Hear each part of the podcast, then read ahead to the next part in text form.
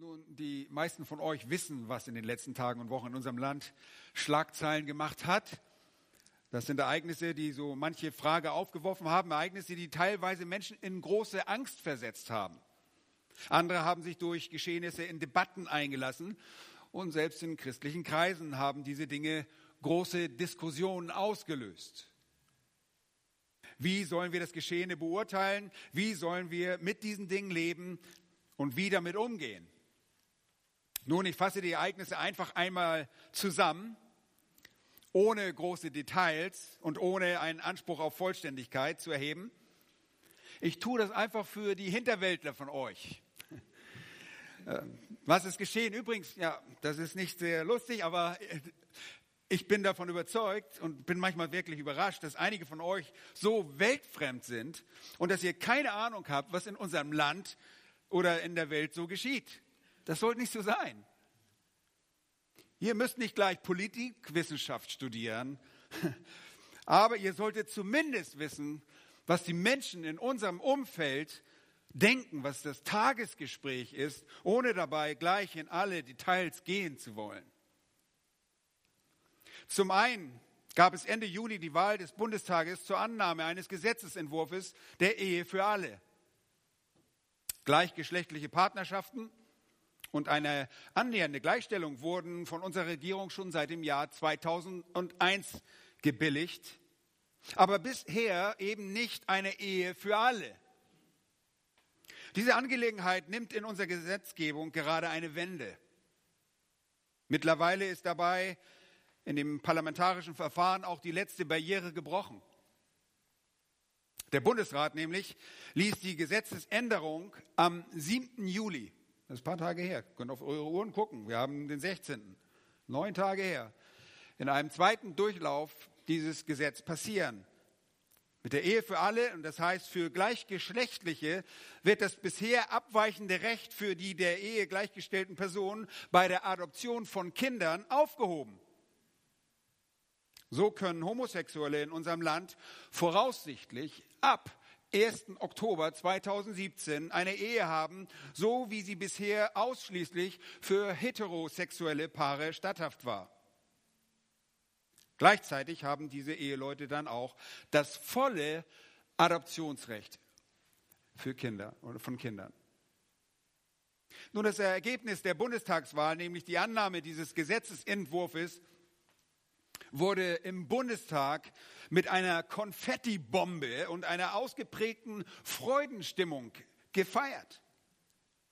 Vor der Wahl sagte Linksfraktionschef Dietmar Bartsch im Plenum des Bundestags, Zitat, ich fordere Sie alle auf, heute für Würde, für Gleichheit und für die Liebe abzustimmen. Zitat Ende. Der Vorsitzende der SPD-Fraktion Thomas Oppermann nannte die geplante Ehe für alle, Zitat, einen wichtigen gesellschaftspolitischen Fortschritt. Zitat Ende. Der Sozialminister Manfred, Manfred Lucha von den Grünen sagte zu dieser Änderung laut Südwestrundfunk aktuell online, Zitat Beginn, die Einführung der Ehe für alle sei ein gutes Zeichen für die Reife und Emanzipiertheit der Gesellschaft. Und sie sei eine lange überfälliger Akt, sie sei ein lange überfälliger Akt der Normalität. Zitat Ende. Und ihr Lieben, an diese und ähnliche Aussagen und Machenschaften müssen wir uns in einer gottlosen Gesellschaft wohl noch mehr gewöhnen. Und zwar wird die bisherige Rechtsprechung des Bundesverfassungsgerichts dabei einfach schamlos übergangen. Ihm, das ist für den Menschen, der ohne Gott lebt, völlig egal. Es interessiert ihn nicht. Er definiert sich selbst. Entscheidend ist für ihn nicht, was ein Gesetzgeber vor Jahrzehnten über die Ehe gedacht hat und schon gar nicht, was der lebendige Gott sagt, sondern er sieht die Dinge so, wie die Gesellschaft heute die Familie und Ehe definiert haben will. Und diesem Denken der Gesellschaft, so sagt man, muss die Politik auch Rechnung tragen. Und am vergangenen Wochenende nun machte ein anderes Ereignis Schlagzeilen. Das ist der sogenannte G20-Gipfel, fand in Hamburg statt. Es war das bereits zwölfte Treffen dieser Gruppe der 20 wichtigsten Industrie- und Schwellenländer. Das ist eine Gruppe, die es schon einige Jahre gibt und äh, so wie sie jetzt existiert, formatierte sie sich im 1999. Ich meine sogar, dass sie am Ende des Jahres im Dezember hier in Berlin gegründet wurde. Die Gründung fand hier in Berlin statt. Und dieses G20-Treffen wurde nun nach einer recht intensiven Vorbereitung in der Hansestadt Hamburg abgehalten. Schon im Vorwege war zu erwarten, dass es heftigen Widerstand bei diesem Gipfel geben würde. Allerdings hatte man sich bei dem Ausmaßen des Widerstands durch deren Demos ein bisschen verschätzt. Meines Erachtens hat das aber nicht primär mit der Inkompetenz unserer Polizei zu tun, sondern mehr mit der Unberechenbarkeit gewalttätiger Menschen. Ohne diese Gewalt wäre Polizei ja gar nicht nötig gewesen. Nun, es gab mehrere Demonstrationen. Da war beispielsweise die offiziell angemeldete Demo Grenzenlose Solidarität statt G20. Und dabei lief, muss man sagen, auch vieles recht friedlich ab. Eine weitere Demonstration unter dem Namen Welcome to Hell, übersetzt Willkommen in der Hölle, war offensichtlich etwas aggressiver äh, ausgerichtet. Auf ihrem Blog schreiben die Veranstalter, der Blog gehört übrigens zu den Black Blogs, dort heißt es nach dem Gipfel, Zitat Beginn, Ziel des Protestes gegen den G20-Gipfel war es, seine planmäßige Durchführung zu B und sogar äh, zu B oder sogar verhindern, ihn empfindlich in seinem Ablauf zu stören oder wenigstens die Glitzershow mit ihren scheinheiligen Familienfotos zu beschmutzen und den Teilnehmer Nehmern und Nehmerinnen die ideologische Soße eines politisch substanziellen Kaffeeklatsch zu versalzen. Dieses Ziel haben wir erreicht. Zitat Ende. Nach diesen Demonstranten oder zu diesen Demonstranten der Welcome to Hell Aktivisten gesellte sich auch der sogenannte Schwarze Block. Das sind ungefähr 1000 Personen, starke, äh, ist ungefähr 1000 Mann stark, in schwarz gekleidet, unvermummt, was die Identifizierung der Person bei gesetzeswidrigen Handlungen schwieriger macht. Darunter waren viele gewalttätige Menschen. Der Block setzt sich zumeist aus Gruppen von Einzelgruppen oder äh, des linken oder autonomen und linksextremen Spektrums zusammen. Und die Vermummung ist ein, einfach eine Demonstrationstaktik, die auch von rechtsextremen Gruppen verwendet wird. Und so kam es dann auch. Mit Gewalt ging man dann auch vor, wie ihr das alles in den Medien verfolgen konntet. Einige der Demonstranten gingen bei diesem Treffen nicht nur friedlich auf die Straße, sondern mit einer militanten und mit einer aggressiven Einstellung auf die Dächer von Häusern, um von dort aus durch einen vorbereiteten, bewaffneten Hinterhalt die Polizei brutal anzugreifen. Und das war eine neue Qualität der Massenmilitanz. Die versammelten, euphorisierten Massen lösten vielerorts, vielerorts die Freilassung krimineller Taten aus. Ihr Lieben, ihr habt es gesehen. Es gingen Dutzende von Fensterscheiben zu Bruch. Es wurden sehr viele Bankautomaten demoliert. Die ganzen Straßenzügen wurden mit Glasscherben und Pflastersteinen, mit herausgerissenen Pflastersteinen bedeckt. Man errichtete Straßenbarrikaden und zündete diese an, sowie PKWs wurden angezündet, die Umwelt wurde verschmutzt, persönliches Eigentum wurde zerstört und Geschäftsräume wurden ungeniert geplündert und ausgeraubt. Und bei den Plünderungen beteiligten sich mitunter ganz normale Passanten, die einfach nur die Gelegenheit ergriffen, um sich ein paar Dinge persönlich anzueignen. Hey, toll, der Laden ist offen, man geht einfach rein. Nun, die Polizei musste schon nach dem ersten Tag des Gipfels Verstärkung aus anderen Bundesländern anfordern. Sie sahen sich hoffnungslos unterlegen. Und wie ihr wisst, sie mussten Ganzkörperschutzanzüge anziehen und äh, setzten Wasserwerfer ein, um die Massen beim Stören der Abläufe zu hindern.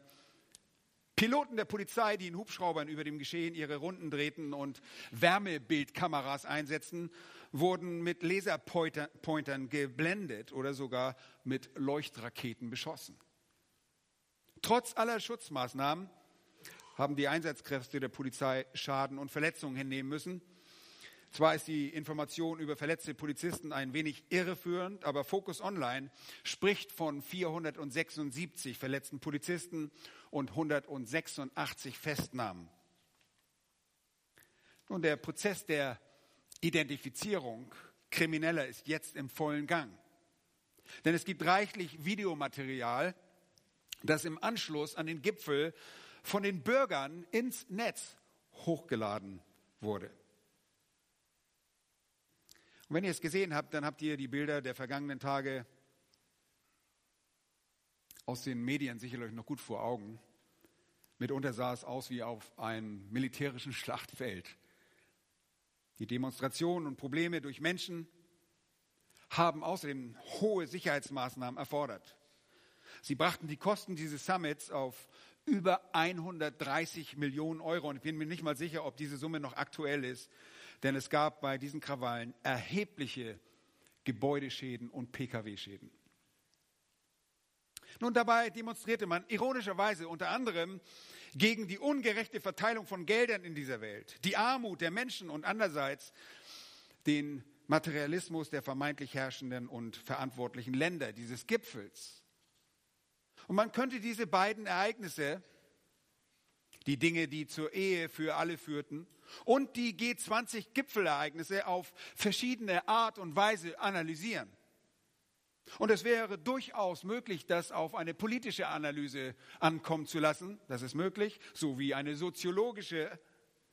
Wir könnten auch eine pädagogische Analyse durchführen oder eine psychologische. Die Psychologen würden sich freuen und die tun das auch. Es wäre eine kulturelle Beurteilung möglich und auch eine wirtschaftliche Untersuchung wäre sicherlich sehr, sehr interessant. Und es gibt garantiert noch andere Gesichtspunkte, nur um einige von ihnen zu nennen. Nun, ihr wisst schon, dass wir in der Gemeinde nicht auf diese Art und Weise Dinge beurteilen. Das entspricht nicht unserer, das entspricht nicht meiner Berufung. Und es ist auch gar nicht meine Kompetenz. Das entzieht sich meinem Kompetenzbereich. Was ich heute ansprechen möchte, wollen wir biblisch beurteilen und damit gehen wir an die Wurzel all dieser Probleme. Während alle anderen Analytiker gewissermaßen an der Oberfläche kratzen und wirklich nur kratzen können und sie keine allgemeingültigen Maßstäbe für ihre Beurteilung haben, gehen wir an die Wurzel aller Probleme und zwar anhand von Wahrheit. Nun, es gibt gewiss, gemäß, äh, gemäß der Wahrheit ein Problem, dass wir nicht nur bei diesen Ereignissen und Geschehen in der Gesellschaft erleben, sondern es ist ein umfassendes, es ist ein globales, alles durchdringendes Problem. Und die Wurzel dieses Problems, und ich sage es einfach schlicht und einfach raus, ist die Sünde des Menschen. Die Sünde des Menschen. Und die biblische Beurteilung ist die Perspektive, die wir als Gemeinde am nötigsten haben. Und die Welt hat es zwar auch nötig, aber sie wollen das gar nicht hören, was wir zu sagen haben. Die irrtumslose Wahrheit, die Bibel, das Wort Gottes, zeigt uns, dass der Mensch ein riesiges Problem hat. Gott spricht diese Dinge und zeigt, dass der Mensch verdorben ist. Und das anschaulichste Material, das uns die Schrift liefert, die anschaulichste Beschreibung der Menschheit in ihrer Verderbtheit, wird sicherlich im Römerbrief Kapitel 3 uns gegeben.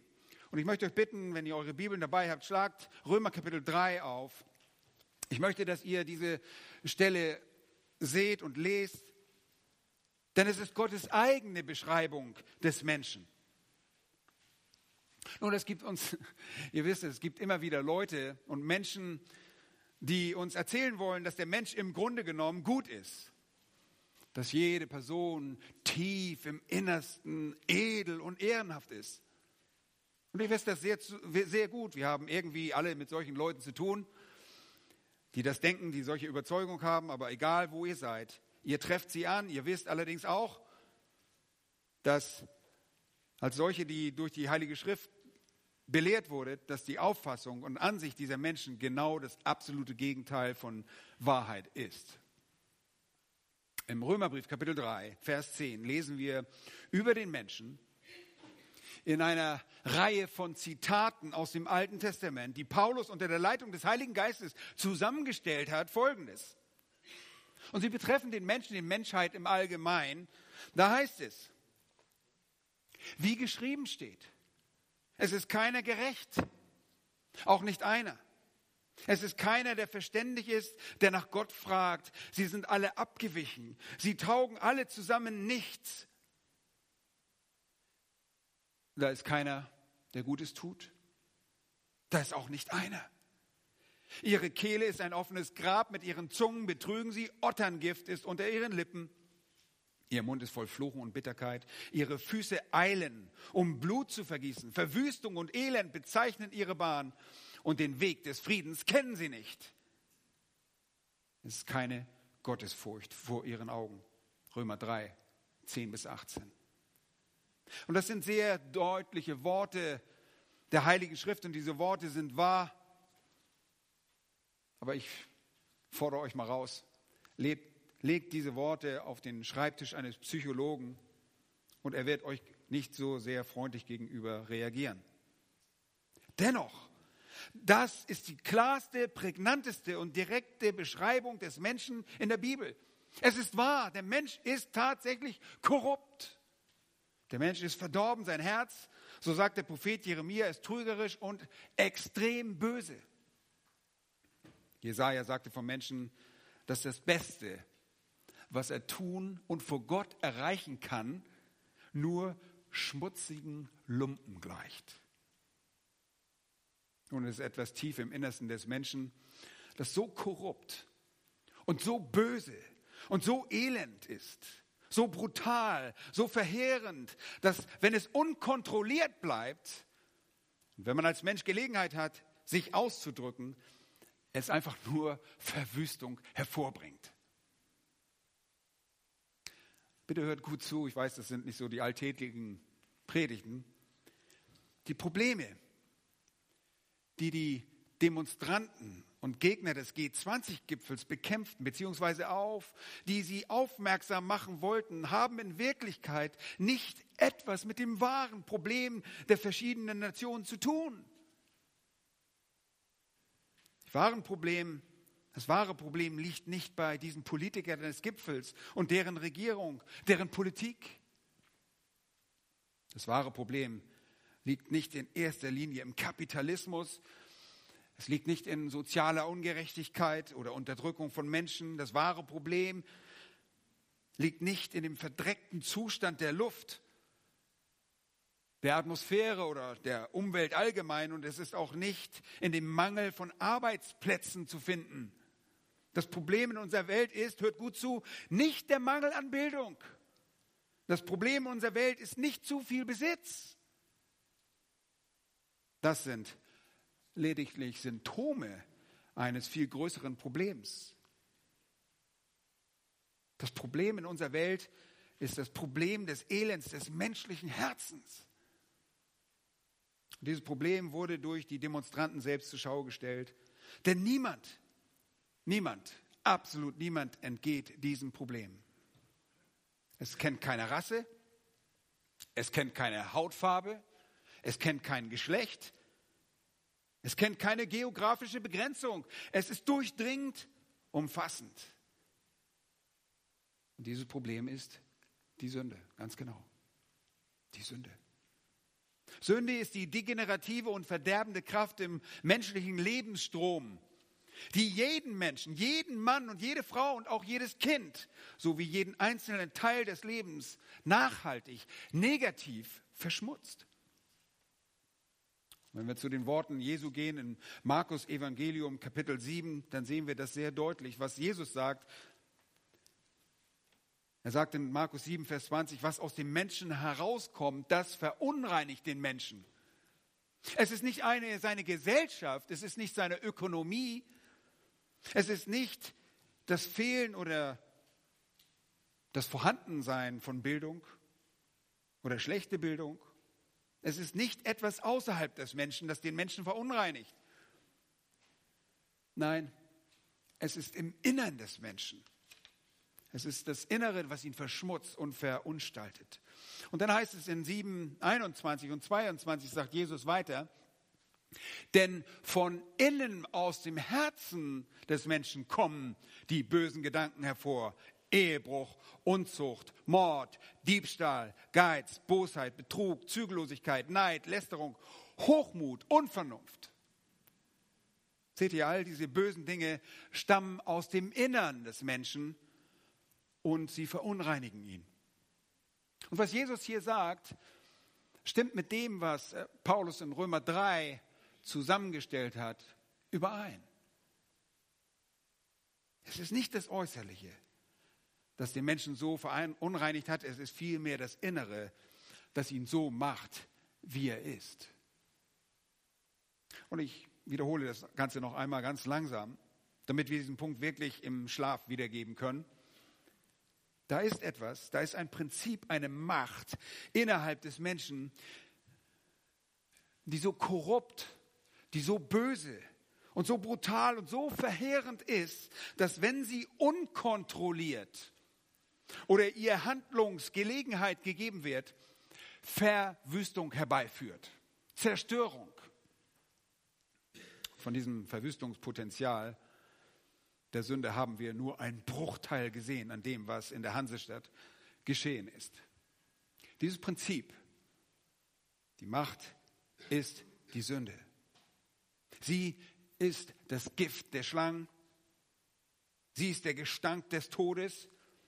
Und sie ist es, die den Menschen mit Brutalität sympathisieren lässt. Sie lässt den Menschen rebellieren. Und hört bitte weiter zu. Das Dilemma ist, dass nicht einer davon befreit ist. Nicht ein Mensch. Jeder hat diesen verderblichen Strom der Sünde in sich. Und der Strom des Verderbens, wenn ich das mal so nennen darf, kennt, wie gesagt, keine Rassenbegrenzung. Und manchmal kommt dieser Strom des Bösen in Form von Gewaltbereitschaft sogar bei denen zum Vorschein, die wir bisher nur als Musterbürger des Landes bezeichnet haben. Und das Böse ist offensichtlich bei denen, die wir ohnehin als Kriminelle erkannt haben. Aber Sünde ist das Problem. Sie ist überall. Die Sünde geht entsprechend ihrer biblischen Beschreibung über die Grenzen, die Gott gesetzt hat, hinaus. Sie ist sogar Gesetzlosigkeit. Sie ist Rebellion. Und wisst ihr was? Die Sünde kann durch rein menschliche Anstrengung nicht unter Kontrolle gebracht werden.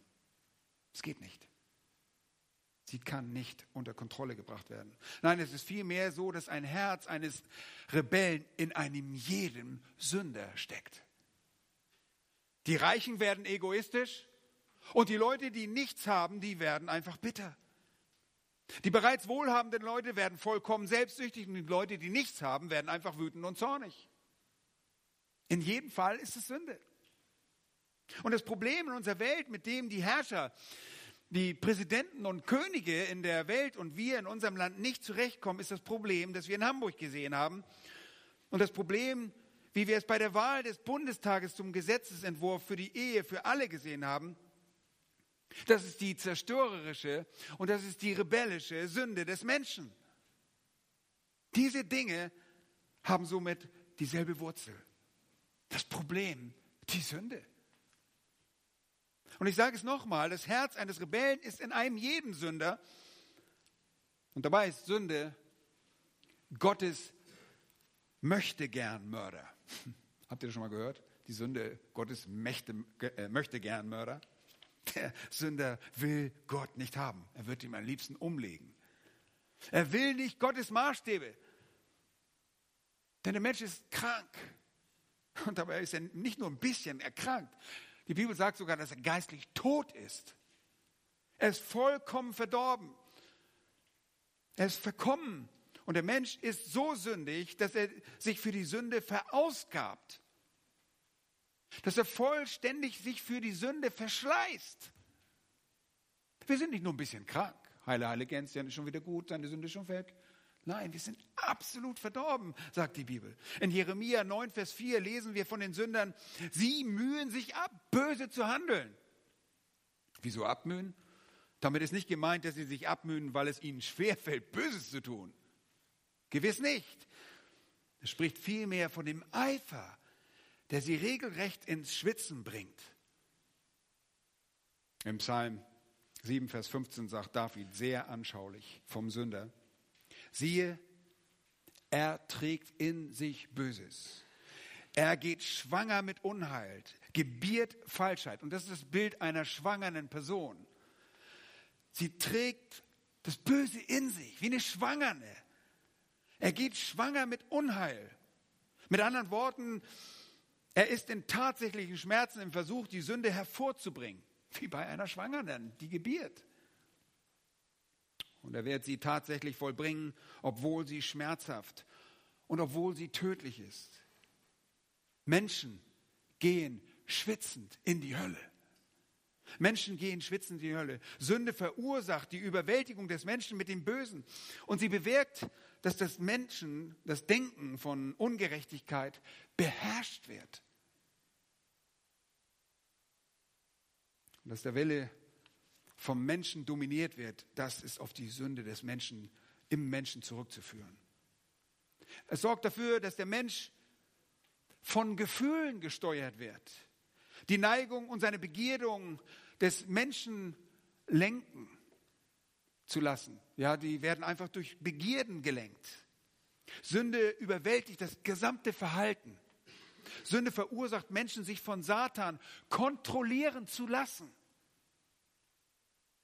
Nun, weil die Menschen dieses Sündenprinzip in sich haben, verbindet es sie mit dem Urheber der Sünde, nämlich mit Satan selbst. Und sie haben sehr viel mit ihm gemeinsam. Und so werden sie nicht nur Opfer ihres eigenen inneren Elends, sondern sie werden Opfer des Fürsten, der in der Luft herrscht. Sie werden Opfer des gottlosen Geistes namens Satan. Und er ist es, der in den Herzen der nicht erretteten Menschen arbeitet. Und er wird sie eines Tages begrüßen und sagen, Welcome to hell. Willkommen in der Hölle. Und so haben wir nicht nur Menschen, die aus der Verderbtheit ihres eigenen Herzens handeln, sondern Menschen, die im Einklang mit der Verderbtheit Satans selbst und sein ganzes Reiches handeln. Die Sünde unterwirft den Menschen aber nicht nur unter die Macht des inneren Elends und die Macht des Satans, sondern die Sünde bringt die Menschen in die Erfahrung des schmerzlichen Elends des Lebens. In Römer 8, Vers 20 heißt es, dass die Sünde das Geschöpf der Nichtigkeit unterwirft. Das ist Lehre. Sie korrumpiert den Körper. Sie verschlechtert alles Wohlbefinden. Sie zerstört alle Beziehungen. Sie beendet Ruhe, sie beendet Freude, sie beendet Trost. Sie verunreinigt das Gewissen, sie beraubt Schönheit, sie verdirbt Liebe, sie verfinstert den Verstand. Wisst ihr, was sie macht? Sie macht den Menschen unbelehrbar. Und die Sünde verwandelt den Menschen in ein unkontrollierbares Monster, das sinnlich orientiert und niemals zufrieden ist. Nicht zufrieden. Sünde beraubt die Ehre des Menschen. Sie verwundet den, der im Bild Gottes erschaffen ist. Und sie stiehlt seinen Frieden. Weil die Bibel sagt, dass die Bösen wie das unruhige Meer sind, dass wenn es nicht ruhen kann, Dreck und Schmutz hervorbringt. Und die Sünde setzt die Menschen auf einen verdammenden Kurs zur ewigen Hölle. Und bei all dem ist die Sünde das Problem. Nun, solange sich Menschen treffen, um Lösungen zu finden in dieser Welt, für das selbst ihnen sichtbare Dilemma, das sie selber auch wahrnehmen können, solange sie nach Lösungen außerhalb der Bibel suchen, Selbst wenn es Geistliche aus Kirchen oder sonstige religiöse Menschen sind, die ohne das Evangelium auskommen wollen. Und solange Politiker und Polizisten und alle, die sich treffen, Präsidenten und Kongresse und Räte versuchen, das Problem des Menschen pädagogisch oder wirtschaftlich zu lösen, werden sie es nicht schaffen. Es geht nicht. Das Problem der Menschen kann auf diesen Ebenen nicht gelöst werden. Das Problem ist kein Umweltproblem.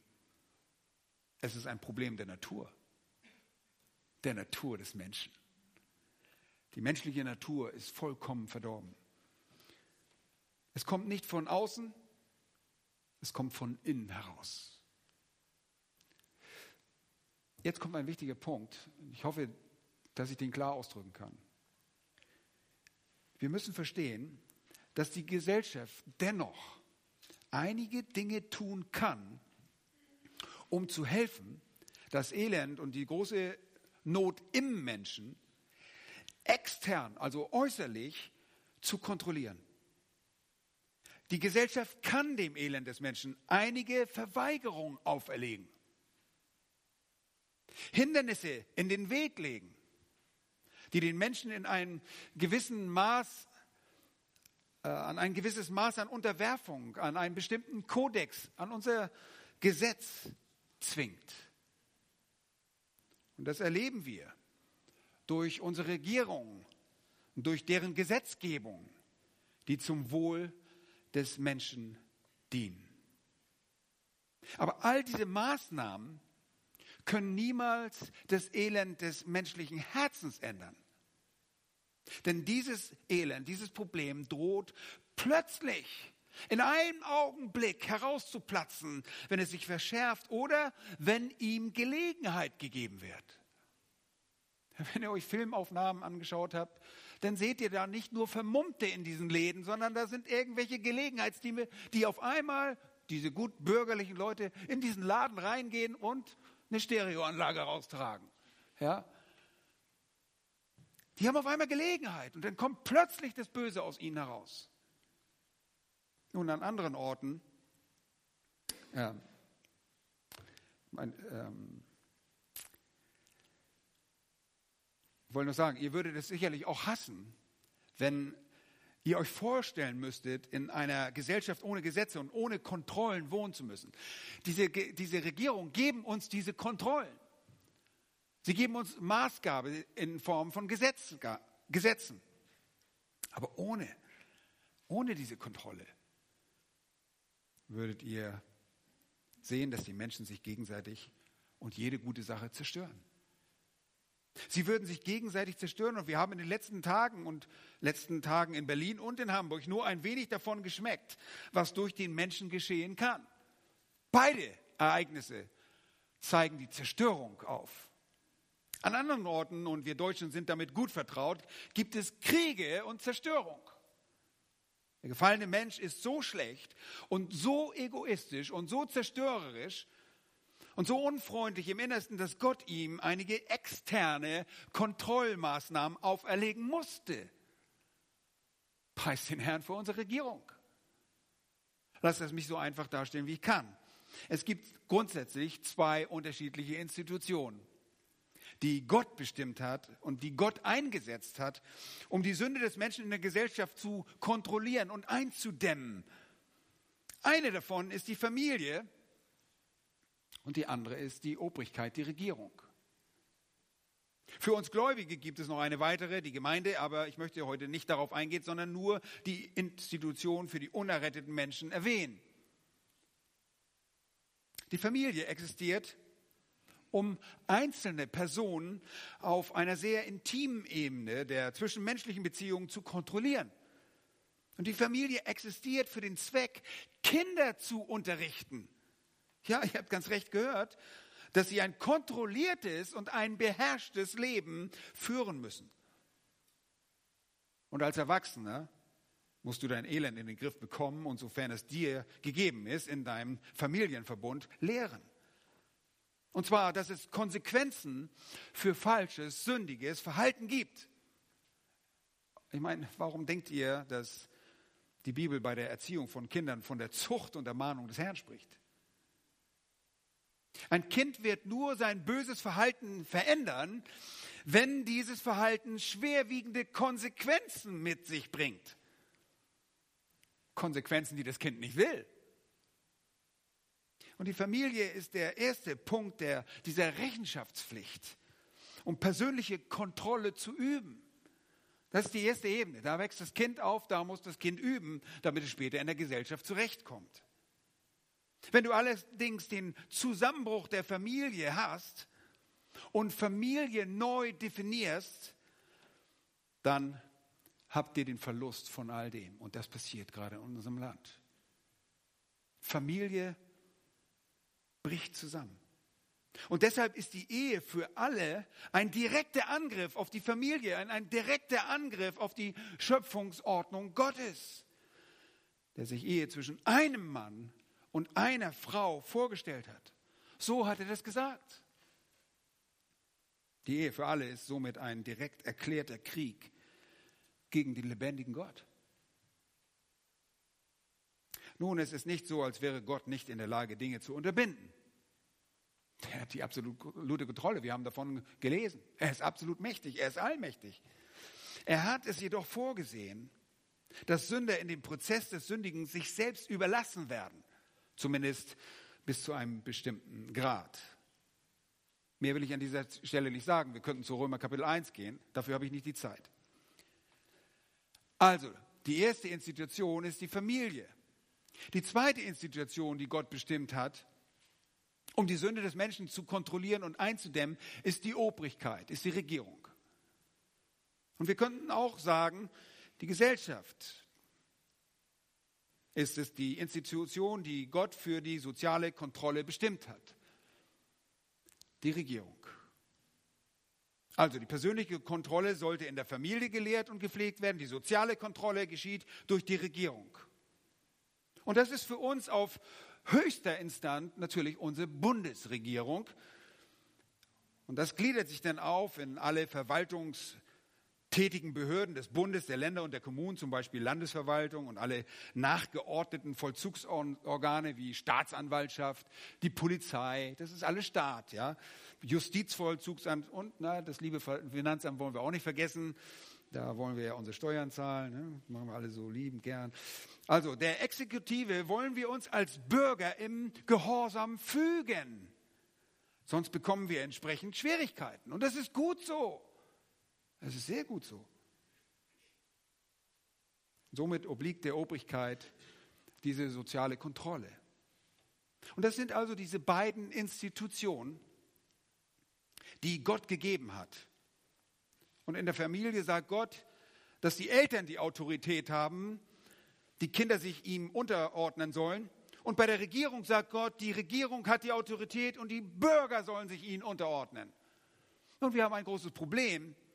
Zum einen sind die Menschen, die Eltern gottlos geworden. Und Eltern muss man heute jetzt schon anders definieren. Das sind nicht nur Mann und Frau, sondern es können Mann und Mann oder Frau und Frau sein. Sie fragen nicht mehr nach Gott. Und somit geht dieser Kontrollmechanismus in der Familie schon einmal verloren. Zum Zweiten sehen wir, dass er bereits in der Regierung verloren gegangen ist. Denn sie fragen nicht danach, was Gott will, sondern sie gehen ihre eigenen Wege. Nun, wenn ihr keine persönlichen Kontrollen habt, die streng genug sind, bestimmt und gerecht, gerecht in einer Familie oder wenn keine Kontrollen auf der Ebene der Gesellschaft ausgeübt werden, dann werdet ihr die ganze Hölle überall erleben, weil die Verderbtheit des Menschen ungehindert amok laufen kann. Beide dieser Kontrollmechanismen in unserer Gesellschaft sind jetzt beeinträchtigt. Ich meine, sie sind es schon länger, aber es wird einfach so deutlich. Und die Regierung greift genau bei diesem Kontrollmechanismus Familie an, indem sie es neu definiert. Ehe und Familie neu definiert. Und so kann es keine Kontrolle mehr geben. Und so wisst ihr, was in der Zukunft kommen wird. Ihr werdet sehen, diese beiden Dinge sind miteinander verwoben. Und ich möchte nur eine, eine sehr kurze Liste geben, äh, wie diese Dinge miteinander verwoben sind. in, dieser, in diesen tragischen Ereignissen in unserer Gesellschaft. Und ich bin euch gegenüber nicht im Vorteil. Ich bin nicht hier irgendwie der Experte, sondern ich sehe, was ihr im Fernsehen seht und ich lese, was ihr in den Printmedien oder online lesen könnt und ich höre, was ihr im Radio hört und ich mache mir einfach nur Gedanken dazu. Und die andere Komponente, die wir bei der Beurteilung dieser Dinge alle zur Verfügung haben, ist einfach was? Die Bibel. Das haben wir. Mehr haben wir nicht.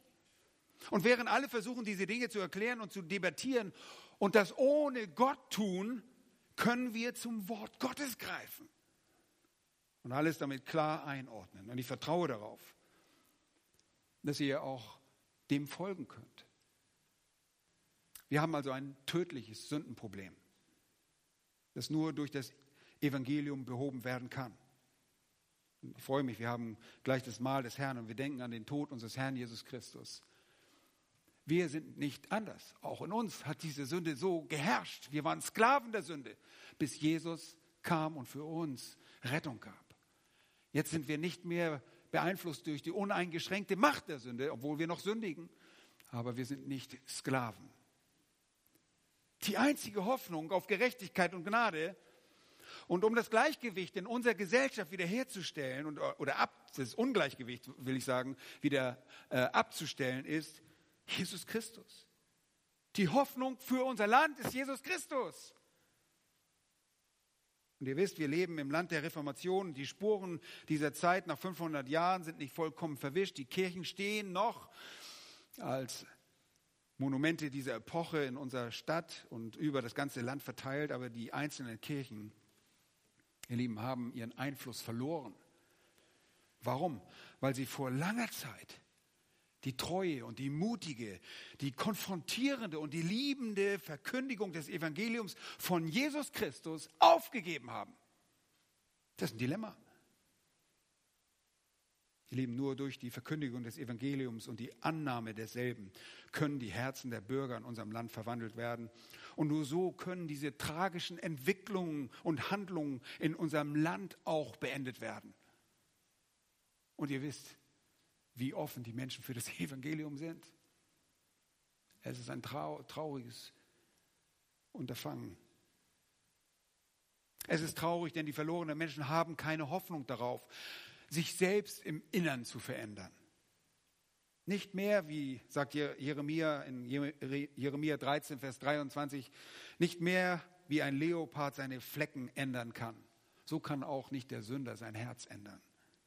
Und es ist noch trauriger, dass die Kirchen und viele christliche Versammlungen in unserem Land sich dazu entschieden haben, von einer rettenden Botschaft abzurücken, nur um irgendeine Art von sozialer Orientierung äh, zu, zu gelangen, um dahin zu gelangen. Und das bringt gar nichts, überhaupt nichts. Nun, ich möchte an dieser Stelle einfach die Menschen in unserem Land zur Umkehr, zur Buße, zur Sinnesänderung aufrufen. Wir wissen, wir haben auch Zuhörer, die über diesen Gottesdienst hinaus, wir sind auf Livestream und unsere Predigten werden häufig abgerufen, selten von Sündern. Aber wenn Sie ein Sünder sind, dann geben Sie dem lebendigen Gott Ihr Herz. Geben Sie sich dem lebendigen Gott hin. Leben Sie zu seiner Ehre. Der lebendige Gott hat einen Anspruch auf ihr Leben und er befiehlt an allen Orten Buße zu tun. Und es kommt ein schrecklich, unausweichliches Gericht. Sie können ohne Jesus Christus in diesem Gericht nicht bestehen. Und deshalb bitten wir diese Zuhörer, wenden Sie sich flehend an den Gott der Bibel und erwerfen Sie sich ihm, folgen Sie ihm nach, dass er Ihnen Ihre Sünde vergeben möge. Nun, ich habe schon über den Zustand des menschlichen Herzens gesprochen. Hier sind nur diese paar Dinge, die ich schnell aufführen werde, die ich beispielhaft von all den sündhaften Dingen nennen möchte, die zu den Ereignissen der letzten Wochen in unserem Land geführt haben. Das sind die Details sozusagen.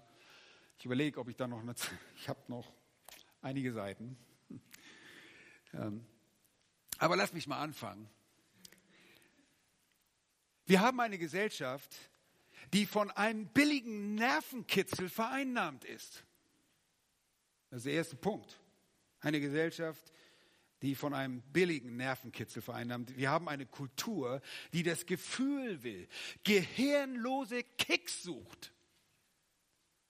Wir haben eine Kultur, die nicht besonders kognitiv ist.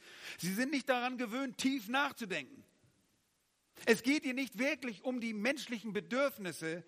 Diese Gesellschaft geht es, dieser geht es um Selbstverwirklichung. Es geht ihr um das Selbst. Es geht ihr um Genuss.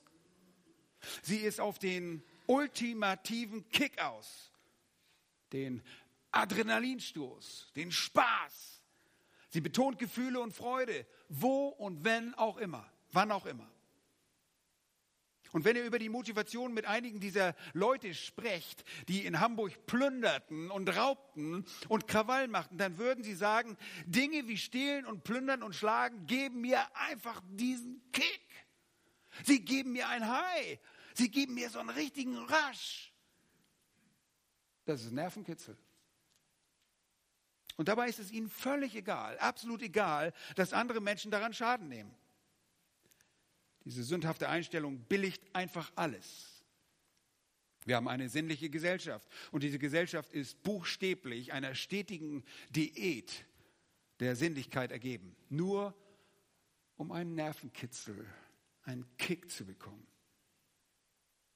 Und wir haben keine denkende Gesellschaft, sondern wir haben eine Spaß- und Lachgesellschaft. Wir sind so weit in Vergnügen, so weit in Spaß und in billige Nervenkitzel und Kicks, dass es alles ist, wofür wir überhaupt leben. Und diese Dinge haben letztlich auch zu den Ausschreitungen in Hamburg beigesteuert. Die Gewaltbereiten wollen diesen Rasch, genau wie die scheinbar unbescholtenen Bürger, die sich da in Dinge haben hineinziehen lassen. Sie nennt man das die Erlebnisorientierten. Habe ich gerade im Fernsehen gesehen, bei Maischberger kam das zu Sprache. Oh, und habe ich gedacht, ah, erlebnisorientiert nennt man diese Dinge. Okay. In 2. Thessalonicher 2, 12 sagt Paulus, dass Menschen gerichtet werden, weil sie der Wahrheit nicht geglaubt haben, sondern Wohlgefallen haben an der Ungerechtigkeit. Die Ungerechtigkeit gibt ihnen diesen Kick. Sie leben für ihr Vergnügen. Es wird in 1. Timotheus 5, Vers 6 gesagt, dass jemand, der fürs Vergnügen lebt, eigentlich lebendig tot ist. Es zeigt uns, dass ein Leben zum Vergnügen letztlich nichts anderes ist als der Tod der Würde, der Tod des persönlichen Wachstums, der Tod der Leistung, der geistliche Tod. Wenn du von nur Vergnügen bestimmt bist, bist du geistlich tot. Zweitens, und ihr seht schon, ich habe zwölf Dinge auf der Liste. Zweitens, wenn ihr diese Ereignisse euch anseht, dann entdeckt ihr noch einen anderen Zustand, der im menschlichen Herzen existiert und sich in solchen Aktionen manifestiert. Es ist die schreckliche Wirklichkeit des Egoismus. Der Mensch ist durch und durch selbstbezogen. Das ist die Sünde der Selbstsucht. Und ob ihr die Plünderung, das Stehlen oder das Ignorieren der Schöpfungsordnung von Mann und Frau nehmt oder was auch immer, das alles ist auf eine Manifestation von Selbstsucht, die wiederum auf den Stolz zurückzuführen ist, darstellt. Stolz wird verherrlicht und Wahrheit ignoriert. Ich erinnere mich an ein Interview vor vielen Jahren in Los Angeles, wurde ein sehr bekannter Basketball und auch sehr erfolgreicher Basketballspieler der Los Angeles Lakers, Kobe Bryant, interviewt. Und man hat ihn gefragt, Kobe, du bist so toll gewesen heute. Was sind deine Schwächen? Ich habe keine. Ich habe keine. Ja, ihr Lieben, das sieht man bei Sportlern so, sehr häufig, aber nicht nur bei Sportlern kann man diese Selbstsucht und den damit verbundenen Übermut erkennen. Das ist überall. Der Mensch ist durch und durch von Stolz durchtrieben. Diese Überheblichkeit und Stolz ist der Gesellschaft so verbreitet und hat uns alle erreicht. Und diese Randalierer und Plünderer glauben, dass sie ein Recht dazu haben, Geschäfte auszurauben. Denn es dient letztlich ihrem Vorteil. Homosexuelle, die Gottes Ordnung verwerfen und die Regierungen, die glauben, Gottes Design für die Ehe neu definieren zu müssen, weil sie die Dinge besser wissen zu glauben als der Schöpfer des Universums, sind einfach nur stolz und selbstbezogen. Das ist die Wahrheit. Gott hasst diesen Stolz. In Sprüche 8, Vers 13 heißt es, die Furcht Jahwes bedeutet, Böses zu hassen. Hochmut und Stolz und bösen Wandel und einen ränkevollen Mund, das hasse ich. Sprüche 11, Vers 2, kommt Übermut, kommt auch Schande. Doch bei den Bescheidenen ist Weisheit. Nun, wir sehen selten bescheidene Menschen, die interviewt werden im Fernsehen. Leute sind sehr, sehr eingenommen von sich selbst. In Sprüche 16, 18 heißt es, vor dem Verderben kommt Stolz und Hochmut kommt vor dem Fall. Ihr Lieben, wir leben in einer selbstsüchtigen und hochmütigen Gesellschaft. Was kommt für diese Gesellschaft als nächstes? Der Fall.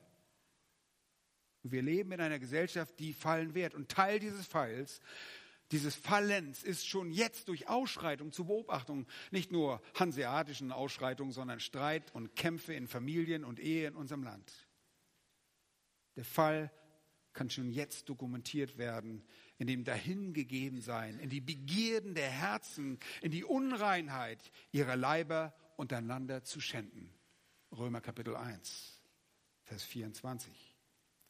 Nun, wir haben gerade den Jakobusbrief uns angesehen. Da steht in Kapitel 4, Vers 1, woher kommen Kriege, woher Streitigkeiten unter euch? Nicht daher aus euren Lüsten, die in euren Gliedern streiten? Nun, der Drang, die Begierden zu stillen, sorgt für diese Kämpfe. Es sind Kämpfe, die zu Hause standen, aber das waren auch diese Kämpfe, die zwischen Polizei und Demonstranten sich äh, die dort stattfinden. Nun, das Verlangen nach diesem Kick, das Verlangen, etwas zu erleben, um etwas letztlich stolz herausposaunen zu können, was man alles angestellt hat, bewegt diese Menschen zu egoistischen Handlungen. Das Denken ist dabei auf Abwege geraten und ist nicht mehr vorhanden. Ich gehe noch auf Punkt 3 ein. Diese Menschen haben dasselbe Problem, das sie selbst zu bekämpfen suchen. Sie werden beherrscht von der Sünde der Habsucht. Und wir haben gehört, dass die Demonstranten für Gerechtigkeit und Verteilung von all diesen Gütern der Welt sind. Einige gingen einfach auf die Straßen, um die Förderung des Materialismus anzuprangern. Das ist ein bisschen widersprüchlich. Warum? Weil sie selbst gestohlen haben und sie haben fremdes Eigentum beschädigt. Warum stehlen sie, wenn sie nicht haben wollen? Es ist nicht nur Zerstörung an sich, sondern der eigene Vorteil des Diebstahls steht ihnen vor Augen. Es ist die Habsucht. Die Habsucht, ein Erlebnis gehabt zu haben, mit dem man posaunen kann. Ich war auf der Demo dabei. Ihr hättet mal den Bullen sehen sollen. Der ist gelaufen. Ihr, ihr lacht. Solche Sachen hört ihr. Der Mensch wird beherrscht von Habsucht. Er möchte damit prahlen können. Er will das haben, dieses Ereignis, dieses Erlebnis will er haben. Und diese Habsucht ist nicht nur eine Habsucht, die sich auf materielle Güter bezieht. Was, du hast nur eine Frau? Oh, ich habe zehn Frauen gehabt. Aha, Habsucht. Ich will alles haben. Ich will alles mitnehmen, was ich kriege. Und das macht unsere Gesellschaft aus. Ihr Lieben, ich mache hier eine Pause. Ich setze das fort. Ich habe einfach sehr, sehr viel Material. Ich möchte uns ein paar Dinge der Anwendung und Hoffnung geben. Wenn wir von diesen Menschen, von diesen Krawallen, von diesen äh, Leuten, die Entscheidungen in unserer Regierung Entscheidungen treffen, wenn wir davon sprechen, dann nicht in einer abschätzigen Art und Weise. In dem Sinne, dass wir meinen, dass wir besser wären. Nein, wir wissen, dass wir nicht besser sind. Ohne Christus würden wir genauso sein. Würden wir genauso diese Gesetze, die Gott gegeben hat, verachten. Gott hat Gnade geschenkt. Gott hat uns sein Wort gegeben. Lasst uns sein Wort gebrauchen. Lasst es uns unverblümt aussprechen, was Gott denkt. Müssen wir uns fürchten? Nein, wir müssen uns nicht fürchten. Unser Gott ist ein großer Gott. Er bewahrt die Sein. Er weiß, die Sein zu bewahren in einer gottlosen Gesellschaft. Und wir erinnern uns an Lot, der aus einer gottlosen Gesellschaft von Sodom und Gomorra herausgeholt wurde. Wir dürfen uns an Gott wenden. Wir wissen, er hat nicht die Kontrolle verloren. Und es war so, so bezeichnend. Wir haben in letzter Zeit über die Souveränität Gottes nachgedacht. Wir haben über die Vorsehung Gottes in der systematischen Theologie gesprochen. Gott hat nicht die Kontrolle aufgegeben. Er sitzt nicht als alter Mann in seinem Schaukelstuhl und hat sich zurückgelehnt und dreht Däumchen. Gott ist aktiv in der Geschichte der Menschheit. Und er bringt alles zu seinem ultimativen Ziel. Und den Ausgang den Ausgang dieser Geschichte kennen wir. Warum? Weil wir die Bibel haben. Er ist der Sieger. Oh ja, es wird viel Elend geben. Aber hat uns Jesus irgendetwas anderes verheißen? Hat uns Jesus irgendetwas anderes gesagt? Werdet einfach Christen, setzt euch in euren Couch und seid ein paar Couch Potatoes, holt euch ein paar Chips und seid zufrieden. Nein, er hat gesagt, sie haben mich gehasst. Sie werden auch euch hassen. Der Sklave ist nicht größer als sein Meister. Das kommt auf uns zu. Was wir bisher erlebt haben, ist eine unvergleichlich gute Zeit nach dem Zweiten Weltkrieg. Das haben wir nicht mal verdient als Deutsche. Aber sie hat natürlich sehr große Gefahren. Dieser Wohlstand hat uns als Christen auch lahm gemacht. Uns eingeschlossen. Wir sind manchmal träge, richtig träge. Wir müssen einfach zur Schrift gehen wir müssen zur Schrift gehen und sagen, hier ist die Wahrheit, lasst uns daran orientieren. Sonst werden wir reingezogen. Wir gewöhnen uns an die Umstände. Wir sehen das bei einem Lot, der sich an die Umstände gewöhnt hat. Wir müssen die Sünde beim Namen nennen.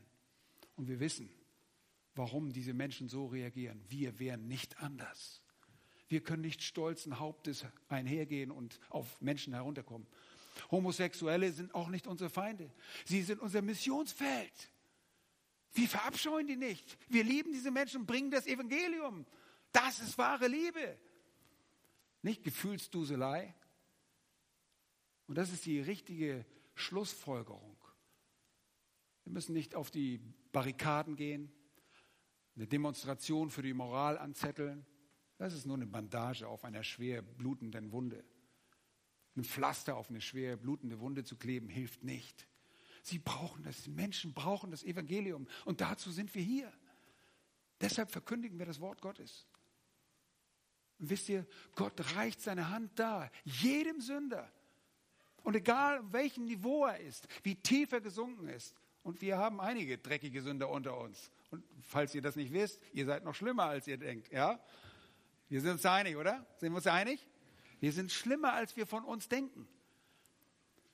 Gott hat uns gerettet. Und das ist das wunderbare Evangelium. Seht ihr, und deshalb müssen wir diese Dinge im Lichte seines Wortes beurteilen. Sonst sind wir irgendwie hin und her geworfen, denken, oh, jetzt geht es ganz schlecht. Jetzt werden wir bald das Ende haben. Weißt du was? Das Ende bestimmt Gott, so wie er das will. Aber hier sind die Prinzipien. Das Volk, das sich von Gott abwendet, Sünde, bringt den Fall einer Nation. Es kann nicht anders ausgehen. Und es sieht nicht so aus, als wären Menschen gewillt, sich da zu ändern, sondern wir gehen tiefer und tiefer in den Schlamm. Familie ist neu definiert, das Kontrollorgan ist weg, Familie wird zerstört. Lasst uns dafür beten. Wir haben auch einen Auftrag für unsere Regierung zu beten. Lasst uns das tun und dem Herrn vertrauen. Amen.